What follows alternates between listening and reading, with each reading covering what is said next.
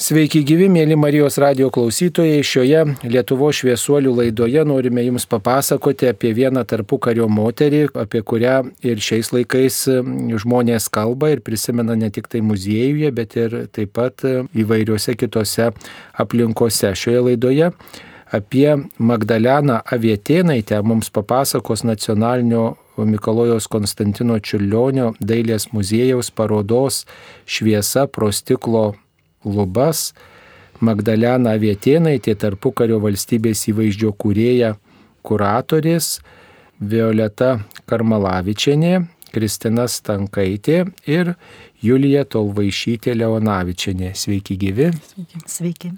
Tai ačiū, kad jūs atėjote į šią laidą ir trumpai galbūt laidos pradžioje pristatykime labai trumpai Magdaleną Vietėnaitę, kodėl ji gali būti Lietuvo šviesuolė ir kodėl mes ją galbūt primiršę esame arba net nepažįstame. Sveiki, Magdalena Vietėnaitė, Amerikos lietuvė. Tai tarpukario žmogus ir jinai, mes parodoj tą daugiau atskleidėm, kad jinai šio laikinio žmogaus suvokime yra kaip Lietuvos įvaizdžio kūrėja. Jinai galėjo būti ir diplomatė, ir, ir visa ta jos biografija, kurią vėliau aptarsim, prie to labiau išryškins ir prives. Ir jinai yra tiesiog žmogus, kuri turbūt tą tokį moterų idealas tarpukariu yra, jinai labai daug apdovanota, daug pasiekusi ir jinai viena iš tų, kuri užėmė aukštą postą. Tokių tarpukariu buvo labai nedaug. Tiesiog jinai be ne vienintelė taip aukštas pareigas turėjusi. Taip ir kilintais metais jį mirusi. Jis mirė 1983 ir jau Amerikoje, nes po karo ir visos okupacijos metu jinai pasitraukė, dėja jos sesers šeima buvo ištremta. Ta tokia irgi dramatiška biografija pasidalino. Jis mažutė buvo išvežta į Ameriką ir po visų karo žiaurumų vėl grįžo į Ameriką ir ten baigė gyvenimą ir kaip, taip manoma, taip labai ir savo ant paminklų tą tokį vaizdą uždėjo, kad jinai visgi buvo atskirta nuo savo tėvynės ir tai buvo ir žiauri patirtis ir sunku ir jinai tikrai yra šviesuolė, jinai atidavė didžiausią savo talentą Lietuvai. Taip, tai neveltui ir parodą apie ją organizavote nacionalinėme Mikalojaus Konstantino Čiurlionio muziejuje, dailės muziejuje parodą apie Magdaleną Avietėnaitę. Taigi gal pradėkim nuo pradžių. Ji tarpukario Lietuvoje gyveno ir kūrė tarpukario Lietuvos įvaizdį. Galbūt reikėtų pristatyti jos vaikystę, kur jinai gimus, kas veikė jos vaikystę, gal labai turėjo įtakingus tėvus ar tokią aplinką, kuri jai padėjo labai aukti ir pasiekti na, vat, kultūrinių tokių aukštumų. Magdalena gimė 1892 metais nedideliam kaimelyje, Kalvarijos apskrityje, Brazavo kaimelis paprastų ūkininkų šeimoje. Labai mažutė ją išsivežė į Ameriką, nes tie metai liudija, kad tai yra caro okupacija.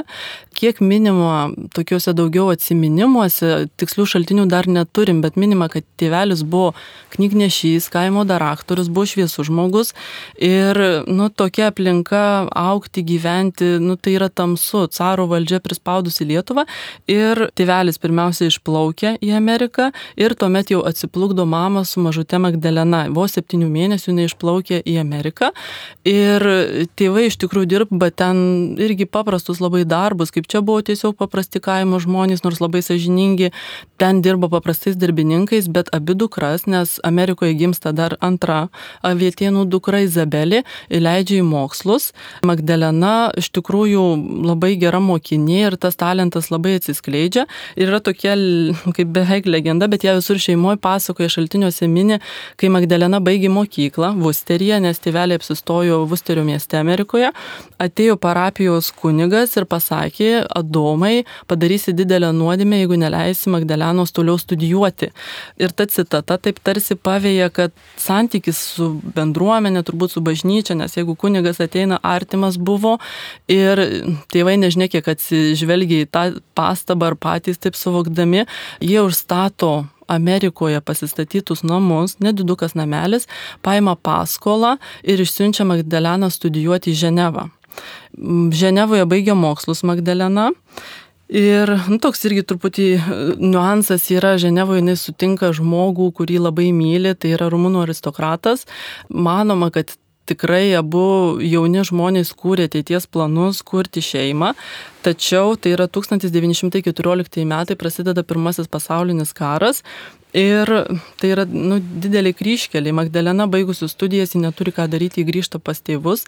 Michaelis, jisai mm, eina tarnauti ir tie keliai kaip ir išsiskiria. Tačiau, pavyzdžiui, tai, ką mes turim muziejuje išsaugoję jau iš tikrai net ne visą palikimą tarp fotografijų, tarp laiškų, yra šito žmogaus nuotrauka, yra laiškai. Tiek, kiek šeimos giminaičiai, kas yra likę, klausiau, sakė, tikrai tai buvo didelė meilė, bet jinai neįsipildė, nes Magdalena, kaip, nu taip gal ir sentimentaliai skambėtų, pasirinko Lietuvą. Iš tikrųjų, po pirmojo pasaulinio karo kūrėsi tautinės valstybės ir abu, sakė, labai mylėjo savo kraštą - Rumunija ir Lietuva. Ir jie taip nusprendė visgi, kad jie labiau atsideda savo šaliai. Ir po pirmojo pasaulinio karo jau kai Lietuva paskelbė nepriklausomybę 1918, e, labai reikia jaunai Lietuvos valstybei protingų, išsilavinusių žmonių, ypač angliškai kalbačių, nes daugiausiai intelektualų tų lietuvių studijų kryptis yra Ženeva, Peterburgas, nėra anglakalbių. Ir buvo toks atsišaukimas, kreipimas į smetonos į Amerikos lietuvius ir dalis jų grįžo atvyko tiksliau, tarp jų ir Magdalena. Beje, toks niuansas, kad daug atvyko Lietuvai padėti, bet tikrai buvo labai sunkios sąlygos ir didelė dalis grįžo. Magdalena iš tų, kuri liko. Ir jinai jau Amerikoje ir po mokslo iš tikrųjų labai buvo veikli Amerikos bendruomeniai, redagavo Amerikos lietuvių vietos laikraštį. Prisiminkim, tai tie laikai, kai kai kur moteris iš vis net neraštingos buvo, jinai buvo redaktorė. Ir jinai atvykusi į Lietuvą, grįžusi atvykusi realiai tos tarsi dvi šalys ją visur lydi, jinai iš karto pradeda dirbti užsienio reikalų ministerijoje ir čia visą laiką dirbo. Tai jinai yra visiškai tos institucijos žmogus ir va dabar štai irgi turbūt diplomatai labiau tai atsigręžia, tai, nu, tai yra jų žmogus, kuri daug pasiekė, kaip tiem metam, kaip moteriai, tai yra labai daug, nes jinai Eltos vadovė yra tampa jau 24 metais, e, po poros metų jinai tampa spaudos biuro vadovė ir vėliau įsteigto departamento. Nu, tai yra jau pagal tą valdininkų kategorijas, tai yra labai aukštas lygis. Magdalena faktiškai vienintelė moteris Lietuvoje. Tai reiškia, gabumai tikrai dideli, kad galėtum žimti tokį postą. O gal yra išlikę kokiu nors jos atsiminimų ar kažkokių įspūdžių, kaip vat, vyrai žiūrėjo į moterį, kuri atvykus iš Amerikos, tarsi šaknys mhm. tolimos čia, lietuviškai moka, bet vis tiek nu, įsilavinimą mhm. gavo Amerikoje ir, ir kaip į ją žiūrėjo, kad maždaug čia moteris vadovauja, moteris pasakoja, kažką moteris nurodo. Tai turbūt tas startas, kad jie atvažiavo 20-ais į užsienio reikalų ministeriją primama nemažai moterų, bet dažniausiai jos likdavo toj, kaip ir Magdalena, jinai pradeda dirbti sekretorė, scenografuotoje, šifruotoje, tai labai dažnai moteris toj pozicijoje ir užsilikdavo, bet jinai gana greitai ima kilti tais visais, pavadinkim, karjeros laiptais. Ir tai irgi toks dviprasmiškas, tas žvilgsnis nelabai turbūt kam kliuvo, kad jie Amerikos lietuviai, bet kad jį moteris tai tikrai taip. Ir mūsų ta ir paroda gimė, kad šviesa pro stiklo lubas, tas stiklo lubų terminas, tai jau čia aišku 20-ojo amžiaus pabaigos terminas, daugiau sociologija, kad moterų kliūtis tos sudarytos, kad jos negali užimti aukštų pozicijų. Ir 1930 metais, tai jinai jau žiūrėkime, dešimtmetį dirbo užsienio reikalų ministerijoje Ir tuometinis ministras užsienio reikalų ministerijoje Dovas Zaunius taip diplomatams prasiunčia tokį laišką žinutę, paprastai taip kaip minima daroma, kad jisai norėtų teikti į diplomato pareigas, ne kaip į pačių pasiuntinio, bet jo ant, antrasis žmogus sekretorius, moterį, neįvardijo, bet kadangi nebuvo nei vienos taip aukštai užimančios pareigas, visi suprato, kad tai apie Magdaleną. Ir iš tikrųjų net geri Magdalenos draugai, pavyzdžiui, Petras Klimas, pasiuntinys Paryžiuje, Cizikauskas, jie labai pasipiktino, labai taip gal prisidengia tuo, kad tai būtų labai neparanku Lietuvai, kad tai būtų skandalinga, būtų nesuprasta, liet, nu, pasaulyje taip nėra, būtų diplomatinės kliūtys. Ir štai tie 30 metai, nu jinai ta tikrąją diplomatę pasiuntinė netapo, bet jinai toliau dirbo. Iš tikrųjų, gal va, ta, ta šviesa ir pro tas stiklo lubas gali šviesti, net jeigu tu susiduri su kliūtim. Na, aišku, atsisveikinu su tuo mylimuoju rumūnu, kurį buvo įsimylėjusi, ar žinoma, gal čia Lietuvoje koks lietuvis krito dar kartą ją į širdį, į akį, kaip sakoma, gal e, norėjau čia kurti šeimą su lietuviu, ar tokių užuomenų yra jos biografijoje?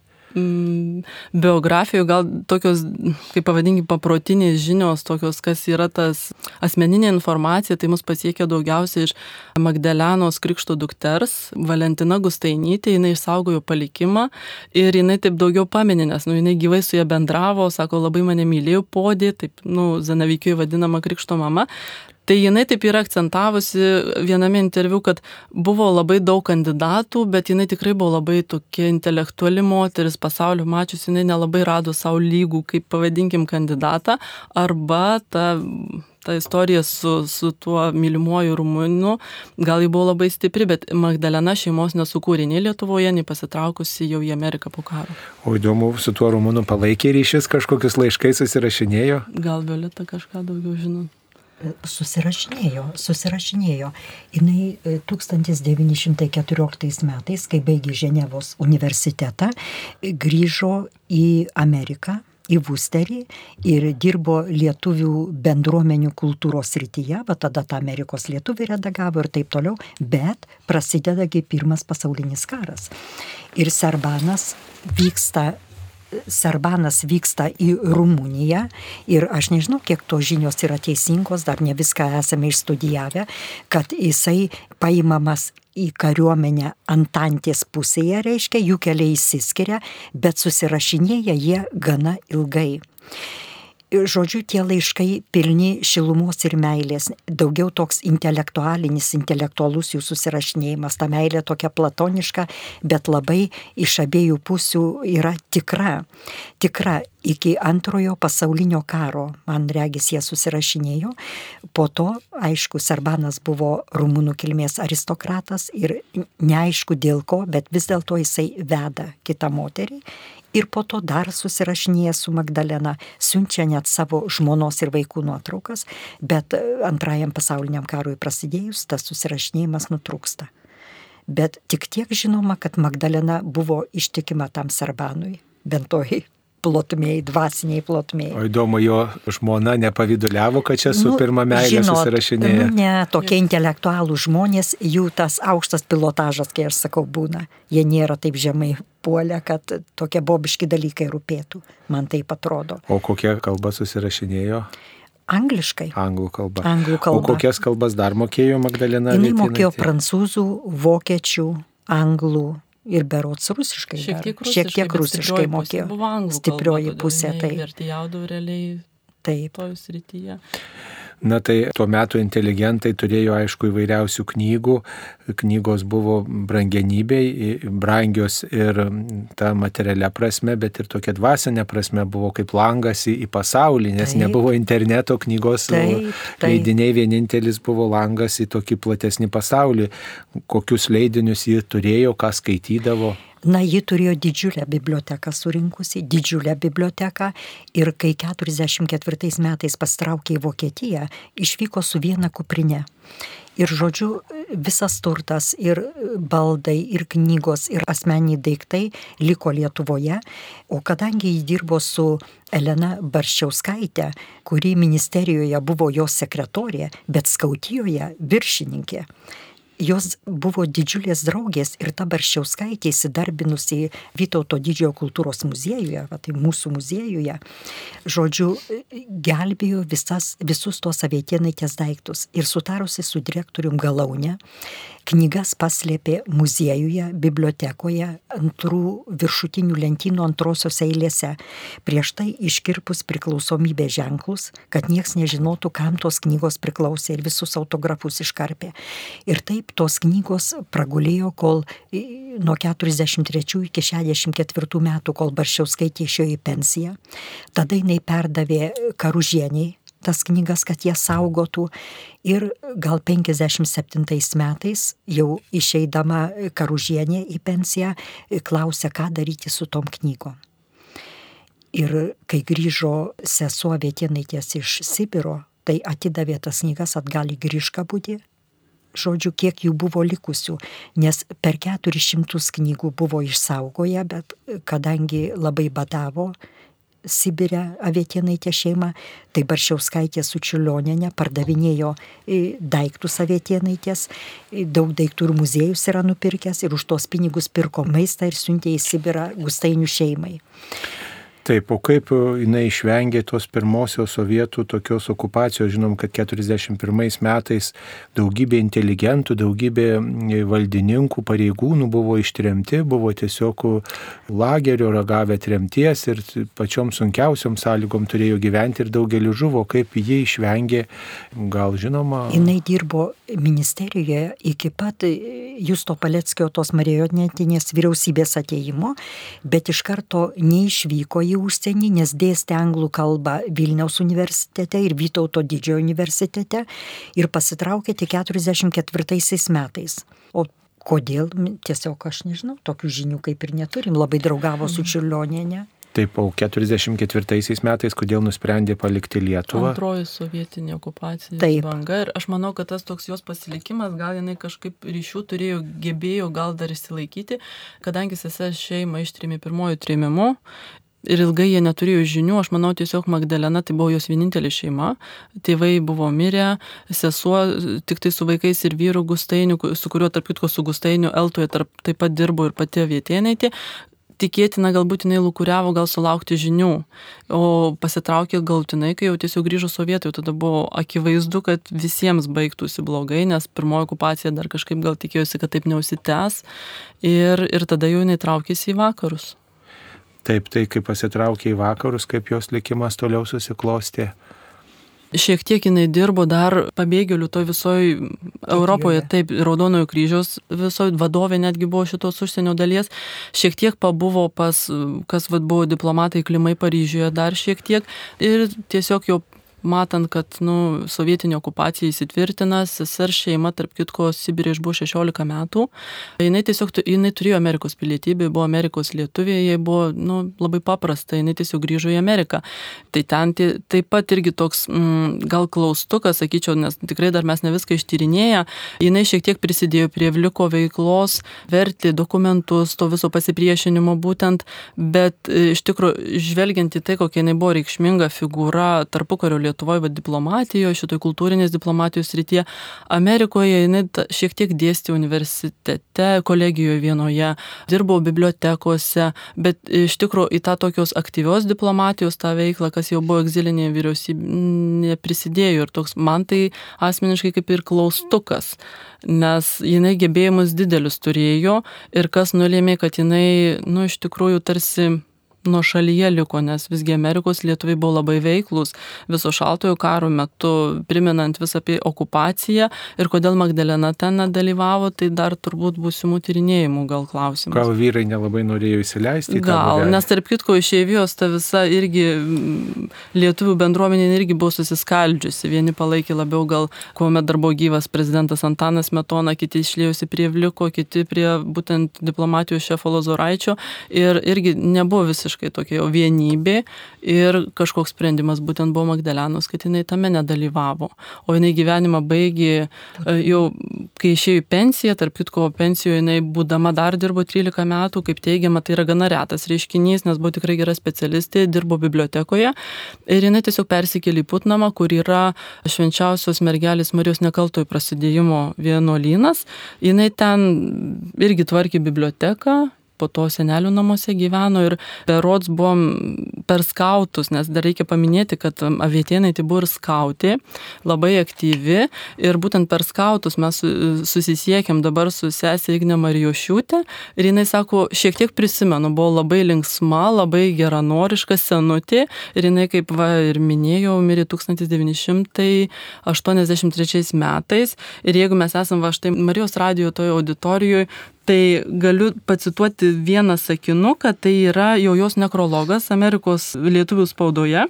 Ir kalbama štai, prieš penkias savaitės ji buvo perkelta į Matulaičio namus, kur stengtas jos veikatą stiprinti, bet jie atsisakė jos nuomonė nereikalingų pastangų, nes būdama giliai religinga buvo pasiruošusi amžinybei.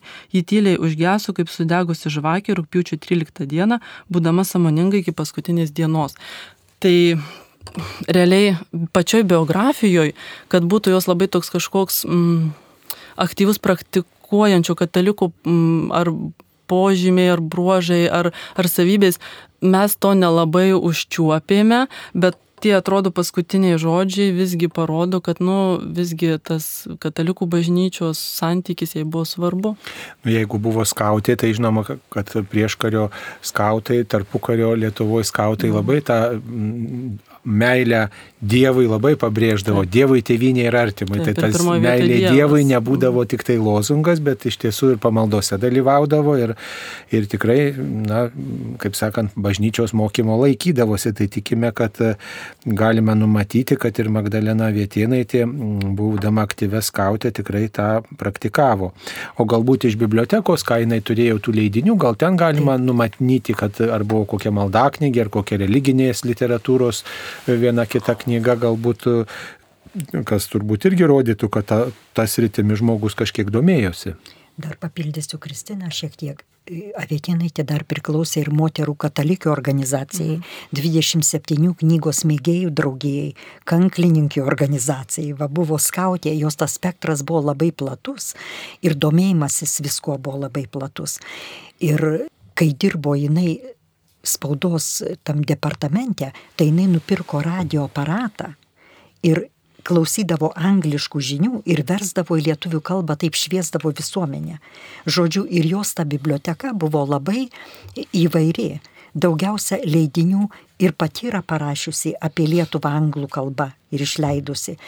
Ir, žodžiu, organizavus yra pačias svarbiausias parodas kurios vyko Lietuvoje 36 metais e, belgų paroda įvyko Čiulionio muziejų ir jinai buvo atsakinga už darbų atvežimą, už finansinius visus dalykus, už organizavimą, už prieimimą. Viską darė Magdalena Pietienaitė, už katalogų išleidimą. Žodžiu, jinai mąstė plačiau, jinai mąstė kaip mes dabar, kad mąstytume. 37 metais jinai organizavo parodą Paryžiuje kur irgi net lietuvių dailininkai gavo 58 apdovanojimus. Ten buvo ir Grand Prix, ir, ir literatūros, ir skulptūros įvairiose sritise. O 39 metais jinai buvo komisarė parodos New York'e. Tai čia yra labai labai daug. Net statė Lietuvos paviljoną, reiškia, su jo žinia. Lietuvių dienas jinai organizavo tam New York'e pristatė Lietuvą ir įvairiais leidiniais ir va tie leidiniai yra ir bibliotekoje. Aišku, jie leisti anglų kalba, kad pristatytų Lietuvą pasauliui. Ir pati yra parašius knygą apie Lietuvą anglų kalba, kurią parašė Amerikoje. Žodžiu, jos tas domėjimosi spektras buvo labai labai platus.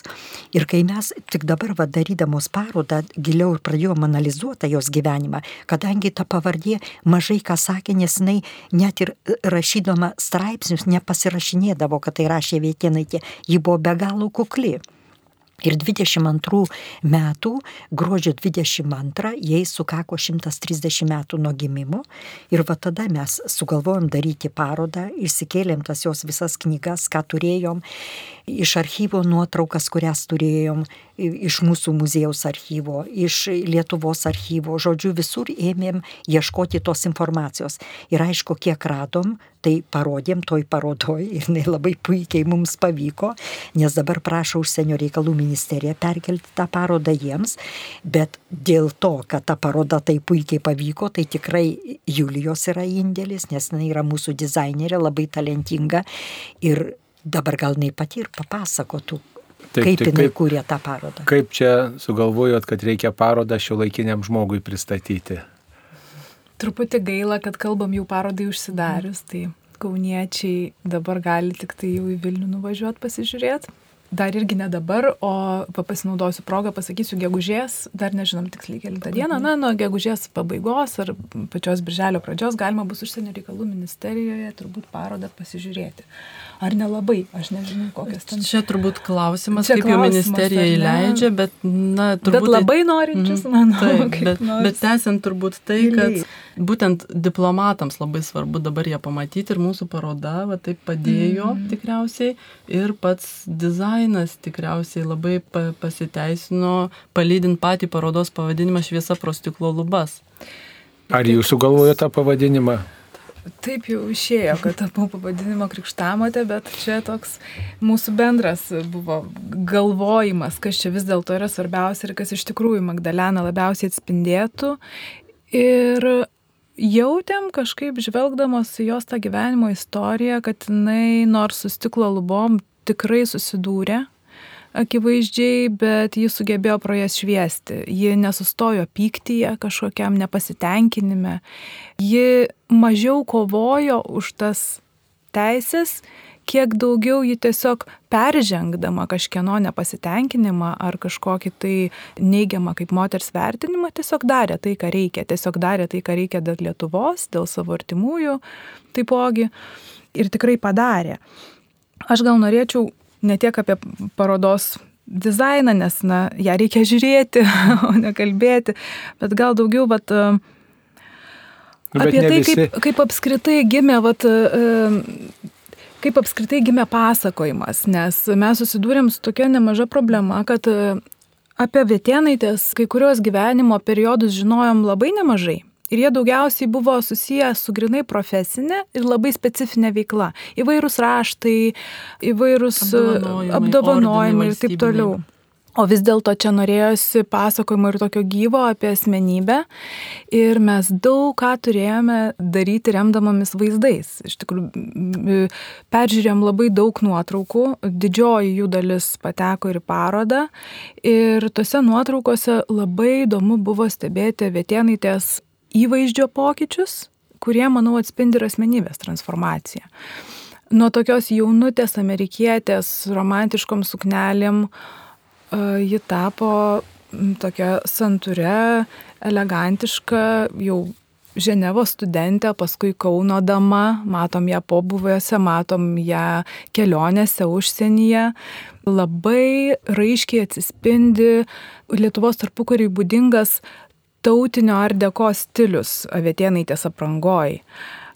Kaip žinia, tarpukariu buvo labai mėgstama mėgstama pabrėžti tautiškumą ir tikrai e, avietienaitė labai, labai darniai, labai, kaip čia pasakyti, labai plačių žvilgsnių žvelgia vat, į tautiškumą ir į laikmečio madą ir tai labai gražiai jungia. Ir be jokios abejonės tai turėjo ir daug įtakos, kaip jie atspindėjo Lietuvą tarptautiniam kontekste. Nes tai ne tik tai jos apranga, bet tai yra ir tai, tai kaip, ji, kaip ji išvežė, kaip sakant, tą, tą mūsų įvaizdį svetur, rengdama, rengdama parodas. Man kolegės pasakojo labai įdomių istorijų e, apie Vietienaitę, kad ji važinėdavo po kaimus ar ne ir tokias rengdavo tarsi fotosesijas, kur padėdavo kaimo moterims apsirengti tautiniu kostiumu, fotografuodavo ir paskui tos nuotraukos keliaudavo. Pasaulinėse parodose. Taip, kataloguose, pasaulinėse parodose. Tai tas įspūdinga, nes šiek tiek primena šių laikų tokį, tikrai šių laikų prieigą prie, prie įvaizdžio kūrimo. Tai man tas buvo visai įspūdinga. O kodėl pasirinkot lubas, tokį vat įvaizdį, šviesa pro stiklo lubas? Kas yra tos lubos? Tai kaip žinia, čia iš to termino naudojamo moterų judėjimuose stiklo lubas, kai moteris atsimuša į vadinamąsias stiklo lubas, kai tik dėl to, kad yra moteris, jai neleidžiama užimti tam tikrų pareigų, ar ji gauna mažesnį, menkesnį atlygį už savo darbą. Ir, ir, ir iš tiesų avietienai tai jie akivaizdžiai su tom lubom susidūrė, kuomet buvo siūloma Jau akivaizdžiausiai tai tikrai, kai buvo siūloma tapti diplomatė ir, ji, ir jai buvo užblokuotas tas kelias tik dėl to, kad ji buvo moteris. Bet e, manau, kad ne tik, net, ne tik čia buvo daug tų susidūrimų su tom lubom, bet kaip pat ir kalbėjom, kad ji tiesiog per jas švietė savo įvairiom veiklom. Taip. Tai e, apie tautinį kostiumą pasakojot, o kokio, kokį tautinį kostiumą jinai propagavo, juk Lietuvoje yra bent kelios tradicijos, e, skiri regionai turi savo tautinius kostiumus, o kokį pasirinkdavo Magdalena. Aš manau, kad jį tiesiog turėdavo atspindėti visus regionus, ypač va tas kostiumo fotografavimas, tai jeigu kalbant apie būtent ją kaip įvaizdžių kūrėją, tai labai svarbi niša būdavo tarpukarių pasaulinės parodos, milžiniški renginiai, kur šalis prisistato, panašiai vyksta ir dabar, tai gal jos dabar nebeturi tokios galios politinės, nors šiek tiek, aišku, to atspalvio yra. Tai 37, kaip minėjau, labai buvo sėkminga paroda, 39-aisiais New York'e, tai ir buvo būtent garsos fotografo Vytauto Augustino padaryti štai tie montažai atspindi ir tą liaudės vadinamą kultūrą, tautinis kostiumas, tiesiog sporto renginiai. Ir aš manau, kad tai nebuvo išskiriamas kažkuris regionas. Ir reikėjo atspindėti visą Lietuvą ir tai įvairovė tiesiog kažkaip reprezentuojamos na, tautinis kostiumas ir sportas čia geros rytis, bet tada dar buvo turbūt kryždirbystės, daug tų paminklų, vat, šitas rytis ar buvo pristatoma jos parodose? Vat? Be abejo, būdavo pristatoma kryždirbystė labiau ankstesnėse parodose 37-ieji, anksčiau buvusi, pavyzdžiui, Monzos išvežta, kur yra Varno fotografijos kryžių. Vėliau, atvirai kalbant, tai jau apie 39-uosius kalbant, jau buvo net ir iš pačių lietuvių tokia perspektyva menininkų, menotyrininkų, kad gal jau Lietuva nebe tik kryžių žemė ir aš manau, Magdalena gal netgi ir turėjo atsižvelgti į šitą poziciją, pavadinkim taip, bet ankstesnėse, kur tai yra pirmasis dešimtmetis, maždaug apie va, 37 parodą, tai taip, tas Lietuvos ir kryžiaus tas santykis labai be abejo atsispindi. Ir jo labiau, tarp, kad ir pasiremiant tą citatą, kurią kaip prie nekrologo pridėjau iš draugo laikraščio, aš manau, kad jie tai ir asmeniškai turėjo būti nu, ir artima, suprantama, kodėl jį turėtų taip ir reprezentuoti Lietuvą. Ji ir pati kolekcionavo Liaudės meną. Taip, viename laikraštyje citata yra, kad jos kabinetas buvo apstatytas dievukais. Tarsi jį pati rinkdavom, kadangi akivaizdu važiuodavo po ekspedicijas ir, ir padėdavo tuos visus montažus rinkti. Tai reiškia, kad ir tas menas, ir turbūt... Liaudės tas, e, šitas skulptūrėlės. Taip, rūpintojėlius, ir, ypač rūpintojėlius. Tai iš tikrųjų tai labai tokios, nu, fragmentiškos citatos, į kurias turbūt nelabai kas ir atkreipdavo dėmesio, visi kreipdavo į tą jos tokį diplomatinę, galbūt neįsipildžiusią veiklą jos valstybinius apdovanojimus, kurių jinai taip pat turi ir užsienio valstybių, bet va tokie keletas tokių akcentų tikriausiai atrodo taip, kad ji labai nemanifestavo, kad yra, tarkim, galbūt tų katalikiškų pažiūrų, bet tikriausiai tai buvo svarbu. O gal žinoma, koks likimas jo sukauptos kolekcijos? Liaudė. Svarbus klausimas turbūt, kad Bet išparduota buvo, daug išparduota buvo, va kada jos sesuo, ta vietinaitė sesuo Izabelė buvo ištremta į Sibirą, kaip minėjau, visi daiktai, baldai liko Lietuvoje. Tai Baršiauskaitė kartu su Čiurlioninė pardavinėdavo komisuose jos tuos daiktus ir tuos pinigus siūsdavo į Sibirą. Tai pas mus muziejuje yra atsidūrę e, gražių tokių jos dekoratyvinių darbelių. Muziejus nupirko dėl tos pačios priežasties. Tai va, muziejus turi keletą žvakidžių, turi jos kepuraitę, jos rankinuką, ką mes rodėm parodoje. O šiaip e, likę baldai e, paskui atsidūrė pas dukteriečią Valentiną Gustainytę yra e, sukurti du dokumentiniai filmai, kuriuos mes taip pat rodėme parodoje, tai ten matos ir tie baldai, ir viskas, visas tas palikimas avietienaitės. Žodžiu, mažai kas išliko, nes kaip Gustainis rašo, kad šitų nuostabių moterų dėka, tos barščiauskaitės ir čiurlioninės, jie liko gyvi. Ir sako, šios, šias moteris galima pavadinti kanto E, kategoriškas imperatyv. Tai aukščiausių, aukščiausios pagarbos moteris. Taip, nes gelbėjo savo artimuosius taip. ir ne, negailėjo tų daiktų, kurie gal atrodė ir brangus, ir taip, svarbus. Taip. Ir turintis kažkokią kultūrinę prasme. Ir dar galbūt reiktų paminėti, vad kalbant apie tas parodas, kad už parodą New York'e jai buvo suteiktas New Yorko garbės, miesto garbės pilietės vardas ir jinai gavo aukso medalį, ką mes parodoje taip atrodėm. Tai buvo labai retas reiškinys.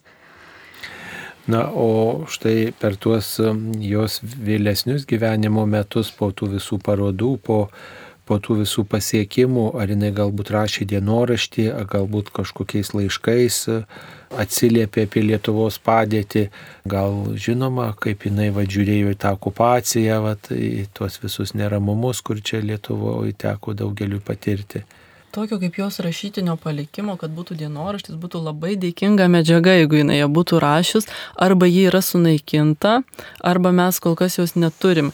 Sesiai grįžus iš tikrųjų iš Sibiro į Lietuvą, kaip minėjau, po 16 tremties metų, po kiek laiko sesėms buvo leidžiama susirašinėti. Jos šiek tiek susirašinėjo, bet su vienu giminaičiu kalbėjo, kad, nu, tai buvo cenzuruojami laiškai ir tai buvo labai korektiški, pavadinkim, tokie, nu, apie gamtą, apie kažkokios detalės, kurias tik viena kita jos gali suprasti. Iš principo, rašytinio palikimo jos yra labai nedaug netgi ir straipsniai ar kažkokie laiškai, tai yra daugiau sesės laiškai, bet ne jos kiek teko girdėti, štai Valentina Gustainytė, kuri ir tą fotografinį bent jau palikimą mums išsaugojo, ordinus, apdovanojimus, raštus, bet asmeninius laiškus savo vatpodės jinai yra sunaikinusi, man minėjo viena giminaitė. Ir tai irgi yra klausimas, ar visgi žmonės pragyvenę tokius tuos sovietinius siaubus, jie visgi mane, kad tai yra nesaugu, ar tai tiesiog saugodami savo tą palikimą, bet dėja daug tokių rašytinių, nei šaltinių, jo labiau rankraštinio nieko beveik nėra. Na, dar gal reiktų keletą žodžių tarti apie tai, kaip avietėnai ties palikimu susidomėjo Mikalojaus Konstantino Čiurlionio dailės muziejus. Jūs minėjot, kad ten buvo slepiamos knygos, bet ar tik dėl to galbūt yra ir, ir, ir kažkokių kitų sąsajų su muziejumi? Tai kai tas knygas, žodžiu, tos knygos 30 keliarius metus muziejuje išgulėjo ir po to jau kai išėjo į pensiją ir karužienė, tai atidavė knygas į Griškabudį O 2002 metais Valentina Gustainytė krikšto dukra Avietėnaitės tas knygas vėl padovanojo muziejui, kur visą gyvenimą jos buvo slepiamos. Taip. Žodžiu, ir ten vėl tokia detektyvinė istorija buvo. Žodžiu, muziejaus darbuotojai keitėsi per šviesios atminties e, Kazytę Gustainienę, mes gavom tą e, Valentinos palikimą, dukterėčios palikimą. Žodžiu, tada muziejui prasidėjo remontai, kraustėmės į kitas patalpas ir tiesiog tose dėžėse kažkur buvo tos knygos, bet nei viena iš darbuotojų nežinojo, nes keitėsi, išėjo iš darbo, atėjo naujos. Ir kai 2011 metais Gustainienė paklausė, kaip su tom knygom va norėtų jau Valentina Gustainytė žinoti, tada visur ėmėm klausinėti, ieškotų knygų, niekas jų nežino, direktorius dievagojosi, kad apie tokį dalyką jis tikrai būtų žinojęs. Ir tada pradėjom ieškoti dėžėse, atrišinėti visas dėžės ir radom Valentinos Gustainytės laišką, kad prašau priimti kaip dovana mano podės knygas, bet jau tų knygų buvo likę tik 110 vienetų. Ir mano Valentino Gustainio enciklopedijos irgi dalį Gustainio tų knygų. Tai va tada mes ir atradom ir ėmėm ieškoti ieškoti, kas ta vientienaitė, ėmėm domėtis. Nes mes kaip dailės muziejų, žinau, dailę domimės pagrindžiau, čia jau toks istorinis asmuo. Bet kadangi labai, labai tikrai daug lietuviai davęs asmos, tai sugalvom padaryti tą parodą ir giliau panagrinėti jos kūrybą. Ir labai norėtume knygą išleisti, esam parašę projektą, tik neaišku, ar gausim finansavimą ar ne. Tai apibendrinkim šitą laidą ir pabrėžkime, kodėl Magdalena Vietinaitė gali būti laikoma Lietuvo šviesuolė, jeigu didelę gyvenimo dalį pragyveno Amerikoje, kodėl ji gali būti mūsų gerbiama čia Lietuvoje kaip ta šviesi Lietuvos moteris. Turbūt tai, kad jį pragyveno Amerikoje, nėra kliūtis, jis save vis vien visada laikė Lietuvę. Ir tas gražusis mūsų, tas tarpukario metas, nuo iki jisai yra vietienaitės, tikrai jos įdirbis jaučiasi, jos netgi ir atsižvelgiant į tą asmeninę istoriją, savotišką auką dėl Lietuvos. Ir, ir tikrai jinai daug padarė. Ir kaip moteris yra svarbi toks neatsektinas pavyzdys. Ir visas tas jos indėlis, kad apie Lietuvą pasaulis sužino jau ne tik fragmentiškom, tokiam politiniam arba šiaip žinutėm, bet kad Lietuva turi kažkokį veidą. Nu, tai yra tas žmogus, kuris visą tai sukūrė. Taip, mėly Marijos radio klausytojai, šioje laidoje jums pristatėme Magdaleną Vietėnaitę, tarpu kario valstybės įvaizdžio kurėja, apie ją buvo paroda nacionalinėme Mikalojos Konstantino Čiurlionio dailės muziejuje, taip pat šita paroda rengiama Užsienio reikalų ministerijoje Vilniuje, tačiau apie Magdaleną Vietinaitę turbūt galima daugiau sužinoti ir dailės muziejuje, e, dalyvaujant ekskursijose, turbūt ir taip pat ir iš šios laidos susidarėt įspūdį, kad Lietuva, tarpukario Lietuva, kūrė ne tik vyrai, bet ir štai prisidėjo prie jos statybos, prie Lietuvos vardo garsinimo visame pasaulyje ir moteris Magdalė Avietėnaitė, katalikė, skautė, kuri savo gyvenimo dienas baigė kaip tik tai vienuolyno globoje Amerikoje. Šioje laidoje dalyvavo Nacionalinio Mikalojaus Konstantino Čiurlionio dailės muziejaus parodos Šviesa pro stiklo lubas Magdalena Vietėnaitė tarpukario valstybės įvaizdžio kūrėja, kuratorės Violeta Karmalavičianė, taip pat Kristina Stankaitė ir Julija Tulvaišytė Leonavičianė.